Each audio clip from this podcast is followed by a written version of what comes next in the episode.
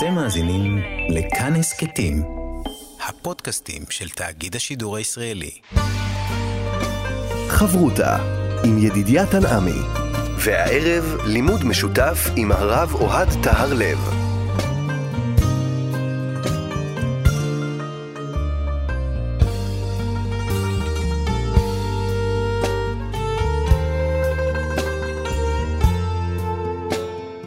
שלום, כאן מורשת, חברותה לימוד משותף עם רבנים ואנשי חינוך בנושא תנ"ך, הלכה ואמונה. היום אנחנו לומדים אגדה יחד עם הרב אוהד תרלב, ראש מדרשת אות לידנבאום מרבני בית הלל, וכאן יד המיקרופון, ידידיה תנעמי, שלום לך כבוד הרב. שלום לך ידידיה ולמאזינים. אנחנו רוצים ללמוד את האגדה של רבי יוסי, נכנס לחורבה ולומדים מזה לא רק הלכות, אלא גם עניינים אה, גבוהים מאוד.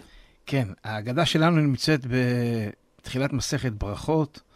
אה, בסוגיה של אה, כמה משמרות הווה הלילה, מתי, עד מתי קוראים קריאת שמע של ערבית. והגמרא אומרת, אמר רב יצחק בר שמואל משמי דרב, שלוש משמרות הווה הלילה, ועל כל משמר ומשמר יושב הקדוש ברוך הוא, ושואג כארי, ואומר, אוי לבנים שבעוונותיהם החרבתי את ביתי, ושרפתי את היכלי, והגליתים מבין אומות העולם. זאת אומרת, הלילה מחולק לשלוש, כל חלק נקרא משמר, מה שנקרא משמר בלשון הבחורי הישיבות, אבל הקדוש ברוך הוא יושב על המשמר, והוא שואג שם כאריה. השאיגה כאריה כביכול, כל העולם צריך לשמוע אותו, והוא בוכה. אוי לבנים שבעוונותיהם החרבתי את ביתי ושרפתי את היכלי והגלתי מבין אומות העולם. אני חייב לומר על זה דבר אחד לפני שניכנס להגדה, שבאמת אמצע הלילה, אה, זמן אה, שאדם מתכנס לתוך עצמו. שקט. שקט, כביכול הקדוש ברוך הוא מתכנס לתוך עצמו ו- ובוכה וצועק ואומר, אוי לבנים שלי שהבית שלנו נחרב, לילה שאדם גר בתוך הבית שלו, אין זמן יותר ביתי, ואז הגעגועים אה, עולים תוך כדי הלילה. ואז מתחילה ההגדה שלנו, שעוסקת למעשה, שוב, סביב סוגיית תפילה, וגם, יש פה גם עוד מעט נראה קצת שאגות ועוד כל מיני בעלי חיים mm. שמצטרפים לשאגות האלה. טניה, אמר רבי יוסי, פעם אחת הייתי מהלך בדרך, אגדה מפורסמת מאוד, ונכנסתי לחורבה. אחת מחורבות ירושלים להתפלל. זאת אומרת, הוא נכנס, הולך בדרך, רואה חורבה, ונכנס שמה להתפלל מאיזושהי סיבה. כנראה שלא יפריעו לו. לא יפריע לו, צריך שקט. בא אליהו זכור לטוב, ושמר לי על הפתח, והמתין לי עד שסיימתי תפילתי. אליהו בכבודו ובעצמו מגיע, מחכה, שומר על הפתח. לאחר שסיימתי תפילתי, חיכה בסבלנות, אמר לי, שלום עליך רבי. ואמרתי לו, שלום עליך רבי ומורי. ואמר לי, בני, מפני מה נכנסת לחורבה זו? כן, אליהו הנביא עומד שם והוא מתפלל ואומר לו, למה נכנסת? אמרתי לו, להתפלל. ואמר לי, היה לך להתפלל בדרך. ואמרתי לו, מתיירא הייתי, שמא יפסיקו בי עוברי דרכים. זאת אומרת, למה, למה לא נשארת להתפלל בחוץ? למה נכנסת פנימה לחורבה? אז הוא לא רצה שיפריעו לו. ואמר לי, פחדת שיפריעו לך תפילת עוברי דרכים? זה אני מוסיף. היה לך להתפלל תפילה קצרה. תפילה קצרה, מה שנקרא תפילת הביננו. אתה מפחד, תגיד בקצרה ותמשיך הלאה. באותה שעה למדתי ממנו שלושה דברים. למדתי שאין נכנסים לחורבה. ולמדתי שמתפללים בדרך. ולמדתי שמתפלל בדרך, מתפלל תפילה קצרה. דבר ראשון הוא לומד, לא נכנסים לחורבה, לא כתוב למה. אחרי זה הגמרא תגיד. דבר שני, אתה צריך להתפלל, תעצור בדרך ותתפלל, ואם אתה כבר עוצר בדרך, תתפלל תפילה קצרה. ואמר לי, בני, מה כל שמעת בחורבה זו? ואמרתי לו, שמעתי בת קול שמנהמת כיונה, ואומרת, אוי לבנים שבעוונותיהם החרבתי את ביתי, ושרפתי את היכלי, והגלתים מבין האומות, ואמר לי, חייך וחיי ראשך. לא שעה זו בלבד אומרת כך, אותה בת קול שמנהמת כיונה, אלא בכל יום ויום. שלוש פעמים אומרת כך. ולא זו בלבד, אלא בשעה שישראל נכנסים לבתי כנסיות ולבתי מדרשות, ועונין יהא שמי הגדול מבורך, כן, הקדוש ברוך הוא מנענה בראשו, ואומר, אשרי המלך שמקלסין אותו בביתו. כך, מה לו לאב שהגלה את בניו, ואוי להם לבנים שגלו מעל שולחן אביהם. זאת אומרת, אליהו הנביא שואל אותו, מה שמעת? אז הוא אומר לי, שמעתי בת קול שמנהמת כהונה. מקודם היה הקדוש ברוך הוא יושב ושואג כארי, פה יש בת קול שמנהמת כהונה.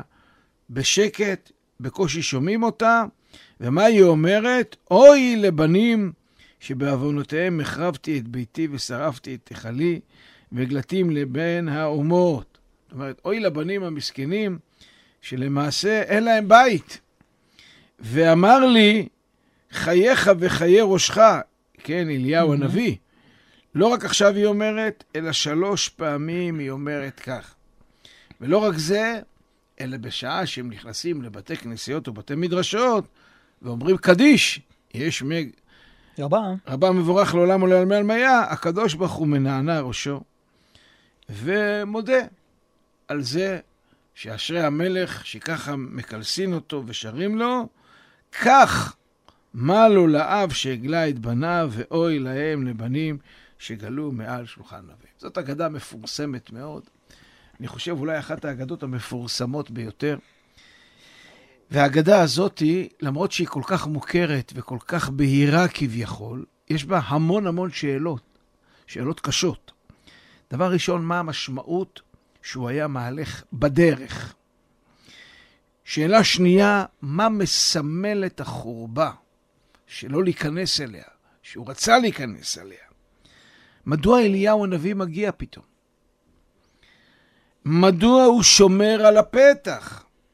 למה הוא מכונה כאן זכור לטוב? Mm-hmm. אליהו הנביא מופיע בהרבה אגדות חז"ל, ולא קוראים לו, לא מכנים אותו זכור לטוב. מה פשר השאלה, מדוע נכנסת לחורבה? מה זאת אומרת? הרי, הרי, הרי הוא רואה שהוא מתפלל. הוא נרבע, הוא רואה שהוא מתפלל, והוא מחכה בשקט mm-hmm. בצד. אז, אז, אז למה הוא שואל אותו? למה נכנסת לחורבה? מה פשר הפורמליות שיש פה? רבי, רבי ומורי, בני, כן, ואמר לי, ואמרתי לו. הוא ידע מראש שזה אליהו הנביא? שאלה טובה, לכאורה, בהתחלה כביכול לא, אבל בהמשך, mm-hmm. לכאורה נראה שאולי הוא קצת מתחיל להבין שאליהו הנביא נמצא פה. למה הוא היה צריך להתפלל בדרך, ולא יכל להתפלל בחורבה? זאת אומרת, מה מפריע לאליהו הנביא שהוא נכנס פנימה אה, והוא מתפלל?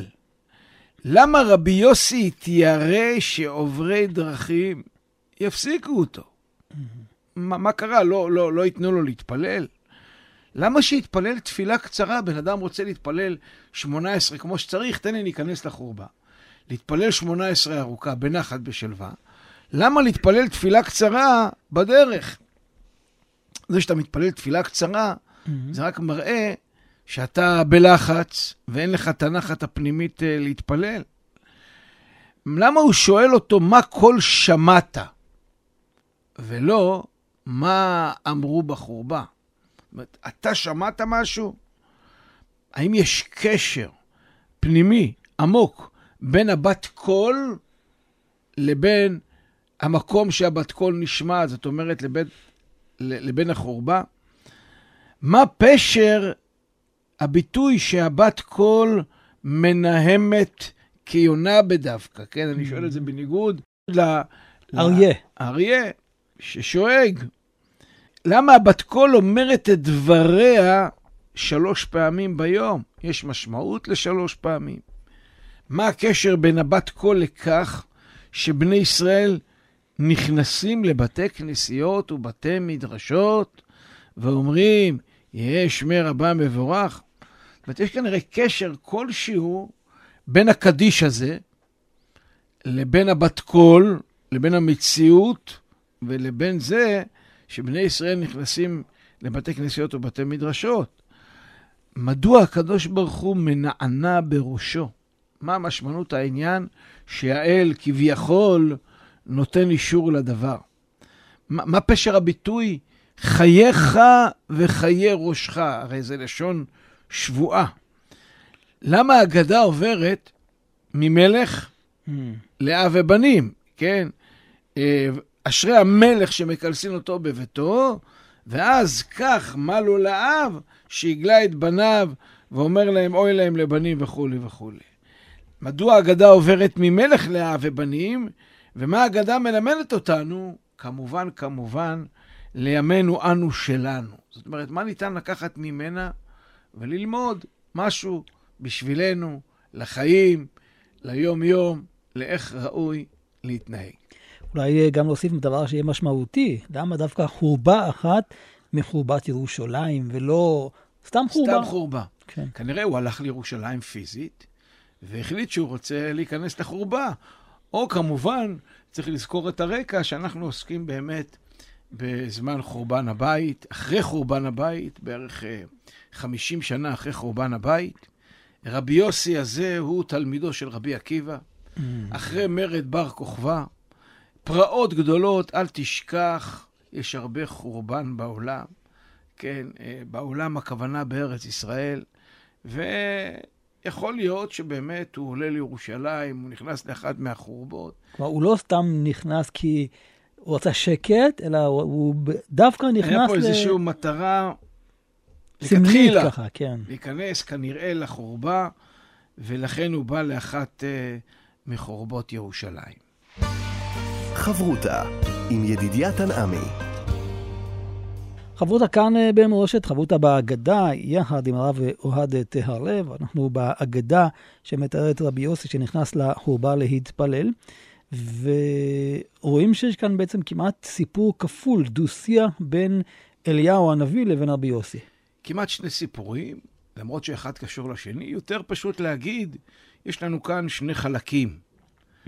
אה, באופן די ברור ניתן לחלק את הסיפור לשני חלקים. החלק הראשון הוא מעין סוג של דיון הלכתי בין uh, הדמויות האלה, אליהו הנביא, רבי יוסי, יש לו מעוצב באופן פורמלי, התוכן שלו פורמלי. למשל, הוא פותח באמירות שלום, שלום עליך רבי, כן, משהו רשמי משהו יותר. רשמי מאוד, שלום עליך רבי ומורי. יש פה איזשהו דו-שיח שמתפתח לאט לאט, ואליהו שואל אותו כביכול שאלה הלכתית, תגיד, למה נכנסת, מהמם. שואל את רבי יוסי, לחורבה? והוא מציג לו את הכל בצורה מאוד עניינית, מאוד קצרה. את האלטרנטיבות שהיה, לו, שהיה צריך לאמץ. כן, היה צריך להתפלל בדרך, היה צריך להתפלל תפילה קצרה. גם התשובות של רבי יוסי מאוד קצרות, מאוד ענייניות. הוא, הוא, הוא לא מסגיר שום דבר מהחוויה הרוחנית שהוא עובר, מאיזושהי חוויה מרגשת שהייתה לו, מטלטלת, כי אחרי זה לכאורה הייתה שם איזושהי חוויה בחלק השני. אה, באופן עקרוני זוהי חורבה נטושה באיזשהו מקום כלשהו, התייחסות הלכתית פורמלית, חורבה, יש מקום להיכנס אליה.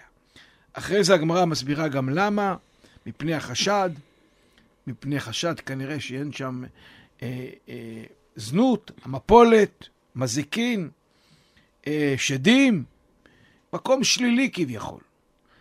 ויכול להיות, ככה טוען אה, פרופסור פרנקל, שרבי יוסי עוד לא יודע שהרבי הזה, שהוא אומר לו שלום עליך רבי ומורי, שהוא נפגש איתו, זה אליהו הנביא, הוא חושב שיש לו איזשהו חכם, אה, ולאט לאט הוא באמת, אה, המציאות מראה שהוא אכן הוא צודק, הוא שואל אותו שאלות טובות, יש לו מה להגיד, הוא מוכיח אותו.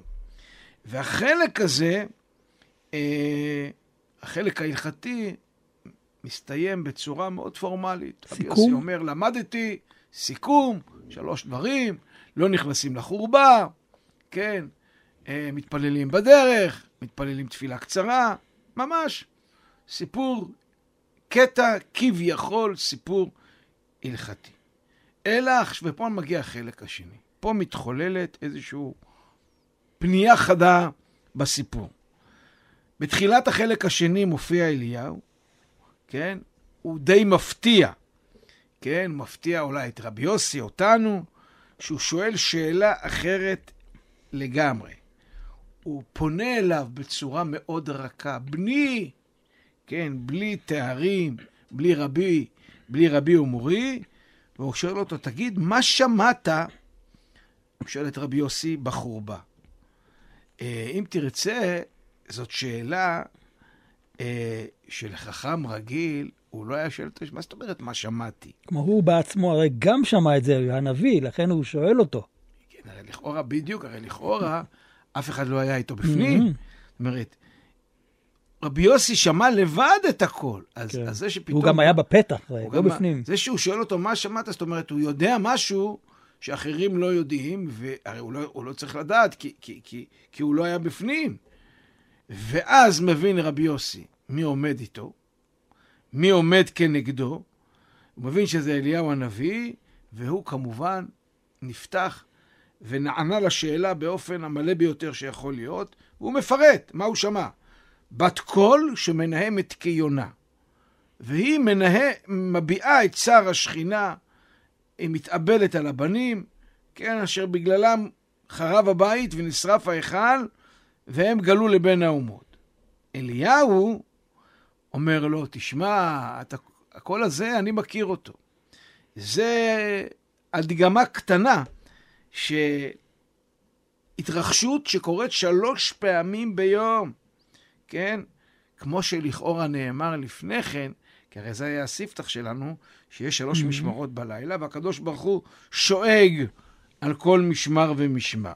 אבל כאן מדובר על, לא על הלילה, אלא שלוש פעמים ביום. שלוש פעמים ביום, ומדובר כאן גם כן לא בחורבה, כי אליהו הנביא מוסיף לו, אה, כאשר ישראל נכנסים לבתי כנסיות ובתי מדרשות, והם אומרים, יהא שמי רבה מבורך. כביכול, הקדוש ברוך הוא אומר משפט דומה, כן? עכשיו, הוא אומר איזשהו משפט שיש בתוכו שתי תחושות שונות, ואפילו הייתי אומר קצת מנוגדות. מצד אחד, אשרי המלך שמקלסין אותו בביתו, כן? שזה ביטוי חיובי, אשרינו מה טוב חלקנו. מצד שני, זה משהו של אבל. מה לו לאב שהגלה את בניו, ואוי להם לבנים שגלו מעל שולחן אביהם.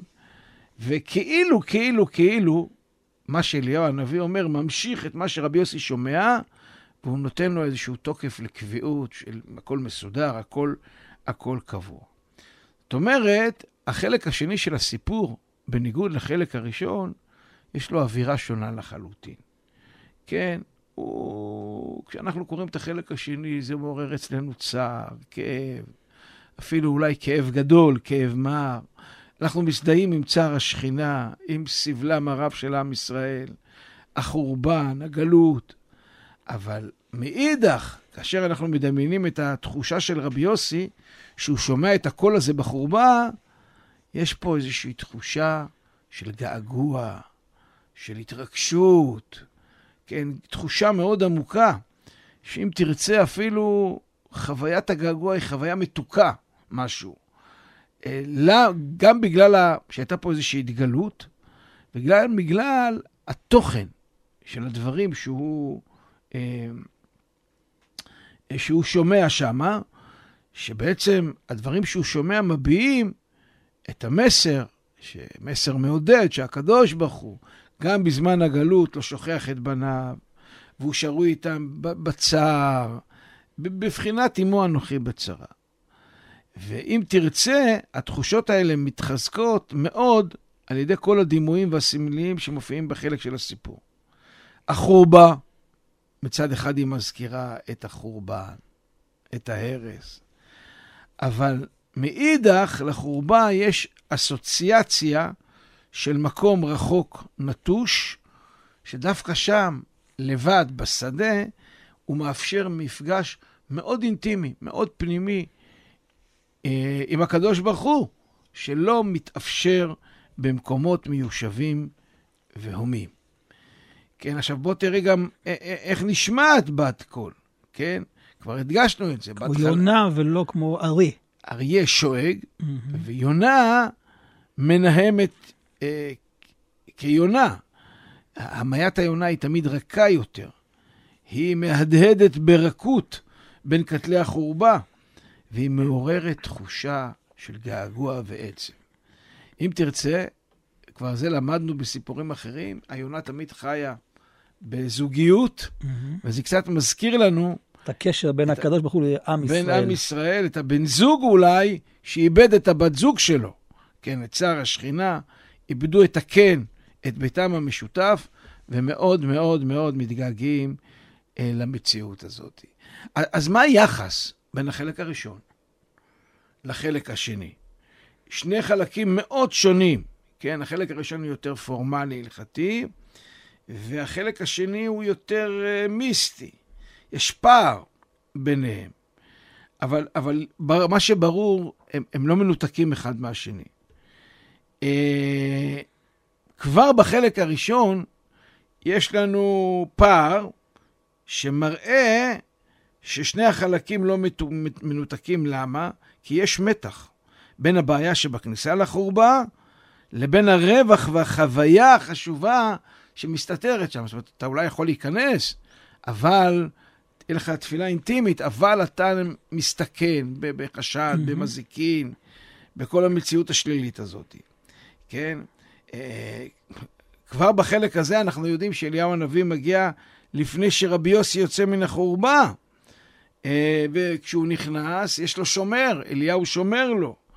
אין ספק שגם הוא היה מעוניין שרבי יוסי יתפלל ללא הפרעה ראיה, שהוא שומר, שאף אחד לא ייכנס. כי הוא הרי יכול להגיד לו, תשמע, תצא החוצה, זה נכון, מסוכן. אבל הוא מודע לכך שכנראה הוא צריך את האינטימיות, השקט, כדי שהוא ישמע את כל השכינה שהיא מנהמת כיונה. ויכול להיות שגם אליהו פשוט מגיב לתשובותיו של רבי יוסי. רבי יוסי אומר בפשטות, בלקוניות, שהוא נכנס להתפלל, ולכן הוא זכה לתוכחה הלכתית. כן, אם המטרה הייתה רק להתפלל בצורה פורמלית, אה, רבי יוסי מחפש פתרון טוב יותר, ראוי יותר, למציאות שנוצרה לו, לאותו חיוב הלכתי שיש לו עכשיו להתפלל. באופן מקרי, הגיע הזמן תפילת מנחה, הוא רואה חורבה, הוא עוצר. זה כמו שאנחנו נוסעים במכונית, יש לנו פתאום נזכרים שלא התפללנו מנחה. באופן מקרי לחלוטין אנחנו רואים תחנה. עוצרים שם. עוצרים שם אה, ומתפללים. כן, אה, אה, אם היה לו פתרון להימנע, הוא היה באמת עושה, הוא לא ידע. אליהו הנביא מחדש לו שיש לו תפילה אה, קצרה. אה, קצרה. אם אליהו הנביא שואל, שואל אותו, למה? הוא יכל להגיד, אני מחפש איזשהו, את השכינה, את האינטימיות, הדבקות.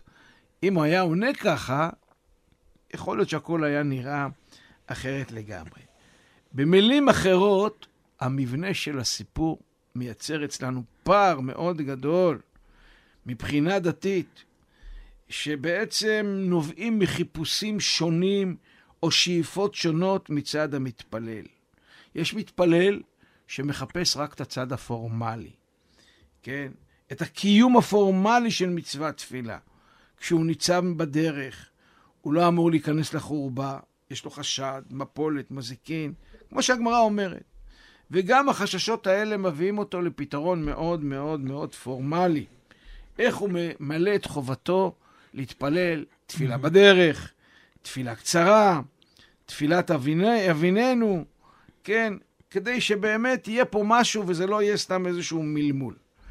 אבל אנחנו רואים שבמישור האחר, רבי יוסי, הוא לא רק מעוניין בקיום הפורמלי של המצווה, אלא הוא מחפש איזושהי חוויה אמיתית, מפגש אמיתי עם השכינה, כן? אה, ראינו שכבר בחלק הראשון שאליהו מעוניין במפגש של רבי יוסי השכינה. כן, בחלק השני, במרכזו עומדת שמיעתו של רבי יוסי את הבת קול, אליהו לא מבקר אותו, אלא הוא ממשיך את דבריו, הוא מוסיף עליהם. זאת אומרת, אין ספק שהחלק הזה שהשני מבטא לנו געגוע לשכינה בחורבות ירושלים, וחיפוש אמיתי של המפגש עם השכינה. איפה את השכינה? איפה את נמצאת? הגעגוע הזה והחיפוש גוברים על החששות מפני הכניסה לחורבה, ומי יודע מה יקרה שם. חשבתי גם על הקשר בין שני החלקים, הרי אסור להיכנס לחורבה בגלל שלושה דברים. חשד, מפולת ומזיקים.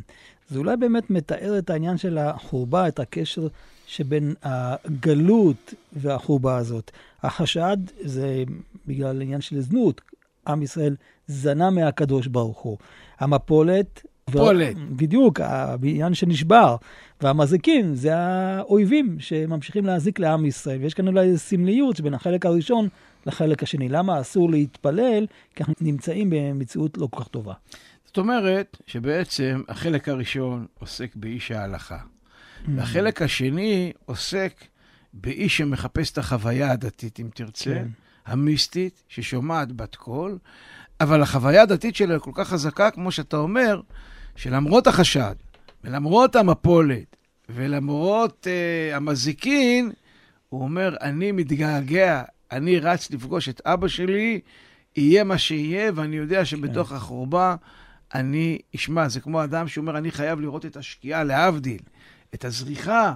אומרים לו, אתה עולה פה על איזשהו מקום, אתה יכול ליפול, התשוקה שלו, החוויה הרוחנית היא כל כך חזקה, שהיא בעצם קצת מוציאה ממנו את הפחד, את החשש. אה, ולכן אליהו הוא זכור לטוב, הוא בא לשמוע על הטוב, כמו שאמרת מקודם, עמו אנוכי בצרה. נכון. עכשיו תראה, האגדה הזאת היא מאוד מעניינת, כי היא מזכירה לנו אגדה אחרת שלמדנו בעבר, mm-hmm. שגם אותה מאזיננו ולומדנו מכירים, עם רבי ישמעאל בן אלישע. אני מזכיר למאזינים, פעם אחת נכנסתי להקטיר קטורת לפני ולפנים, כך אומר רבי ישמעאל בן אלישע. וראיתי את כתריאל יא השם צבקות, ואמר לי ישמעאל בני ברכ... ברכני. ואמר לי, יהי רצון שיגאלו רחמך על מידותיך, וכולי, ונענה לי בראשו. גם פה יש. פעם אחת, ונכנסתי לחורבה, שם זה נכנסתי להקטיר קטורת, פה זה נכנסתי לחורבה, כן? אה, אה, אה, פה ברכני, ופה יש, יש שמי, גדול, שמי הגדול מבורך, יש פה נהנה לי בראשו, וגם פה הקדוש ברוך הוא נהנה לי בראשו. אין ספק שההשוואה הזאת בין קודש הקודשים לבין בית הכנסת מצביעה פה על איזשהו דמיון. אבל הדמיון מייצר גם ניגוד. כן, אם תרצה, בשני המקרים נכנסים. בקודש הקודשים יש דו-שיח, הדדיות, מפגש אמיתי. הכהן, רבי ישמעאל בן אלישע, רואה את השכינה, כביכול, מתנהלת שיחה ביניהם, וכאשר הוא מברך את השם, הקדוש ברוך הוא מנענה לו, נהנה לי בראשו. בבית כנסת המצב שונה. הקדוש ברוך הוא נוכח, האדם נכנס אליו, יש איזשהו סוג של הדדיות, כן? אנחנו יודעים גם שהגמרא אומרת שהקדוש ברוך הוא מניח תפילין ומתפלל, כן? אבל אה, הם אומרים לו, יש שמי הגדול מבורך, הם מברכים אותו, אבל פה אין את המציאות הזאת שהקדוש ברוך הוא מבקש, ברכני. אנחנו עושים את זה באופן עצמאי. הקדוש ברוך הוא מגיב לברכה, אבל הם לא רואים את זה. הוא מנענה בראשו, אבל לעצמו. והניגוד בין זה לבין נהנה לי בראשו בולל. זאת אומרת, בסיפור הראשון בקודש הקודשים יש שיח, כביכול הכהן רואה את הקדוש ברוך הוא ונענה לי בראשו, ובבית כנסת אנחנו לא רואים, הוא מנענע בראשו, אנחנו לא אה, רואים את זה ואין שיח mm-hmm. עם הקדוש ברוך הוא, ובאמת יש פער. ופה מתעוררת השאלה המאוד גדולה, מה משמעות ההשוואה של שתי האגדות? מה ניתן ללמוד מהם? חברותה עם ידידיה תנעמי. חברותה בהגדה כאן אה, במורשת, יחד עם אוהד תהרלב, ועכשיו אנחנו ננסה להבין את המשמעות ה... המלמדת כאן של ההגדה, מה בעצם ההגדה מבקשת לומר גם לימינו. כן, אני רוצה לקחת את זה, ברשותך, למציאות אחרת, ואם עשינו את ההשוואה לאגדת רבי ישמעאל בן mm-hmm. אלישע, אני חושב שהיא גם תלמד אותנו מה שלמדנו שם להגדה הזאת. תראה, ההגדה שלנו עוסקת בתפילה ואיפה כדאי או מומלץ להתפלל, ולפי המקום, איזה תפילה יש להגיד. יש את האידיאל, ויש את המצב הבדיעבד. אידיאל, לעמוד בבית כנסת, להתפלל בנחת, בשלווה, בלי לחץ. ויש מצב בדיעבדי, בן אדם באמצע הדרך, אין לו בית כנסת.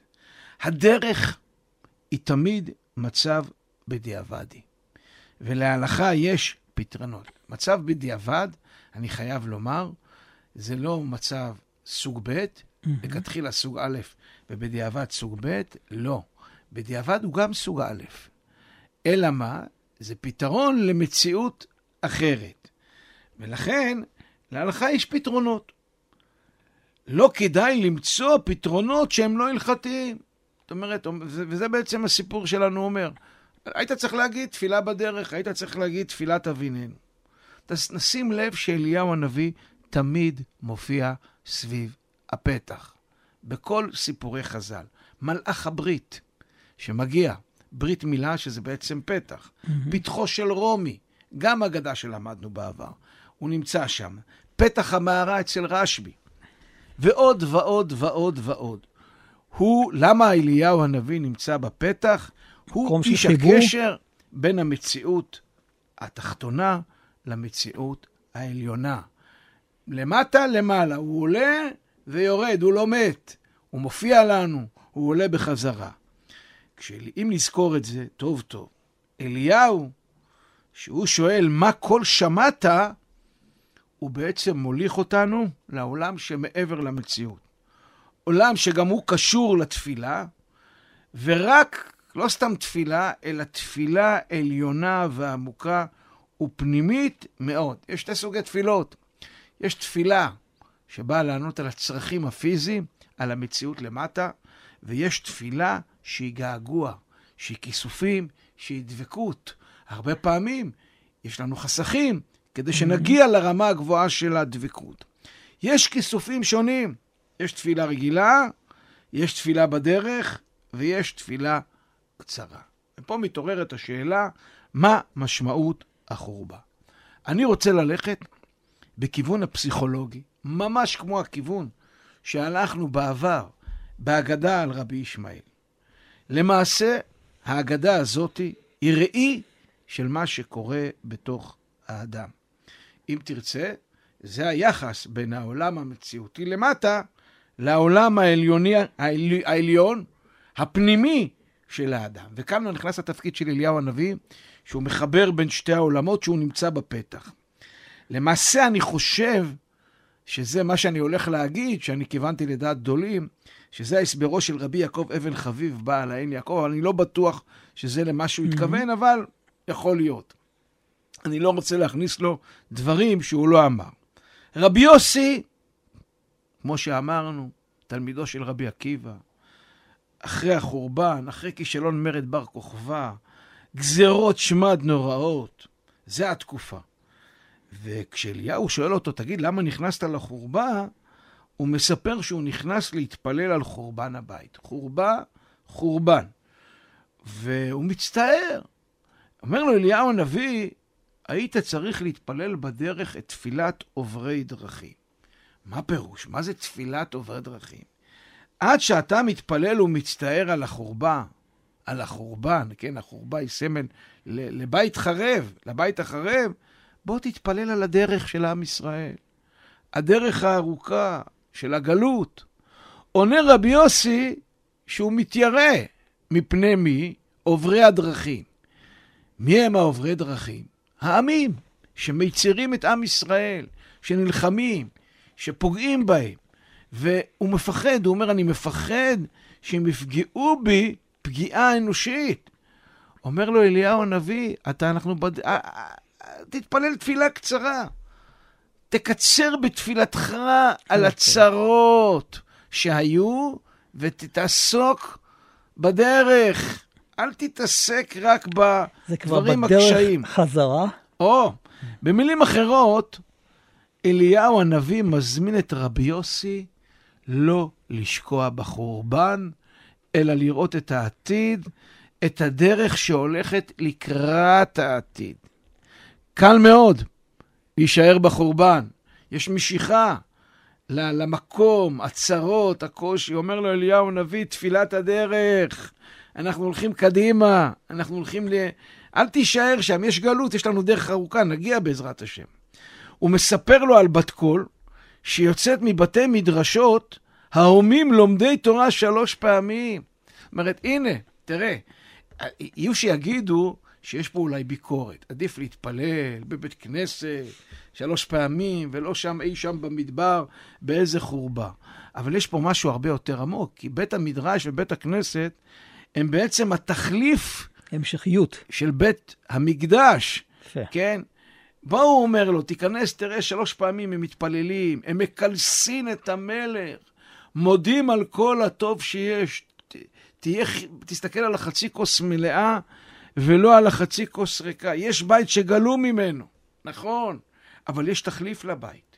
התחליף הוא בעצמו בית. בתי מדרשות, בתי כנסיות. ו, ו, ובעצם מה שהוא אומר, וככה ממשיכה הגמרא, היא אומרת, אסור להיכנס לחורבה מפני החשד, המזיקין ומפני המפולת. שלושה דברים שיכולים להזיק את האדם. אז אתה כבר אמרת, חשד, מפולת פנימית, מזיקין אומות העולם. בעצם בא אליהו הנביא ואומר לו, אל תשקע בחורבן המסוכן, אלא בבניין. מהו הבניין? לימוד תורה ותפילה. זאת אומרת, הסיפור הוא רואי, או הצעה, הזמנה, לסוג אחר של תפילה. אנחנו עוסקים בתפילות. עסקנו במה קורה בלילה. שלוש משמרות אב והלילה. אנחנו עסוקים בקריאת שמע של ערבית. בלילה הקדוש ברוך הוא שואג כאריה, ויש את צער הגלות, ותיקון חצות. אומר לך אליהו הנביא, זכור לטוב. הביטוי זכור לטוב מופיע פה, הוא לא מופיע בהרבה מקומות שאליהו הנביא מוזכר. אני אזכור אותך לטוב, אתה צריך לזכור, אל תשקע בחורבן. תזכור את הטוב. אל תשקע, תזכור את הטוב. אל תיכנס לחורבה בדרך. תמשיך קדימה. תפילה של עוברי דרכים. מה אומרים בתפילת הדרך? תביאנו למחוז חפצנו. מהו מחוז חפצך? העתיד, בניין בית המקדש, כן? אין לך זמן, אתה חושש שלא יהיה לך פנאי, תפילה קצרה, תקצר, אתה תלך קדימה. והמציאות הזאת היא, יש שיגידו, עדיף שהיא לא תהיה. זה המציאות, אתה בגלות. מה אתה עושה עם זה? קח את זה קדימה, אל תיכנס לחורבה. איזה יופי. מבט uh, ככה מאוד מעניין על המציאות, שבסופו של דבר המלך נשאר מלך, כן? והקדוש ברוך הוא מנהיג אותנו, ואולי גם כדאי להדגיש את העניין הזה, שבסופו של דבר הוא גם מתייחס אלינו כאב לבנים. אב לבנים, ש, שכואב את כאב הבנים. ואם תרצה, הרי אמרנו בהגדה של רבי ישמעאל, אה, הכל מתנהל בקודש הקודשים, זה mm-hmm. אין קודש הקודשים. איפה פוגשים את הקדוש ברוך הוא? בלפני ולפנים בתוכנו. לפני ולפנים בתוכנו. אל תיכנס לחורבה, לך בדרך קדימה. תודה רבה לך, הרב אוהד טהרלב, ראש מדרשת אות אה, לידנבאום, רבני בית הלל. ואנחנו נשוב וניפגש בחברותה הבאה בעזר השם. שלום לך ולמאזינים, ניפגש פעם הבאה. כאן ידידיה תנעמי, ניתן להאזין לתוכנית הזאת באתר כאן מורשת ובשאר יישומי ההסכתים. אתם מאזינים לכאן הסכתים, הפודקאסטים של תאגיד השידור הישראלי.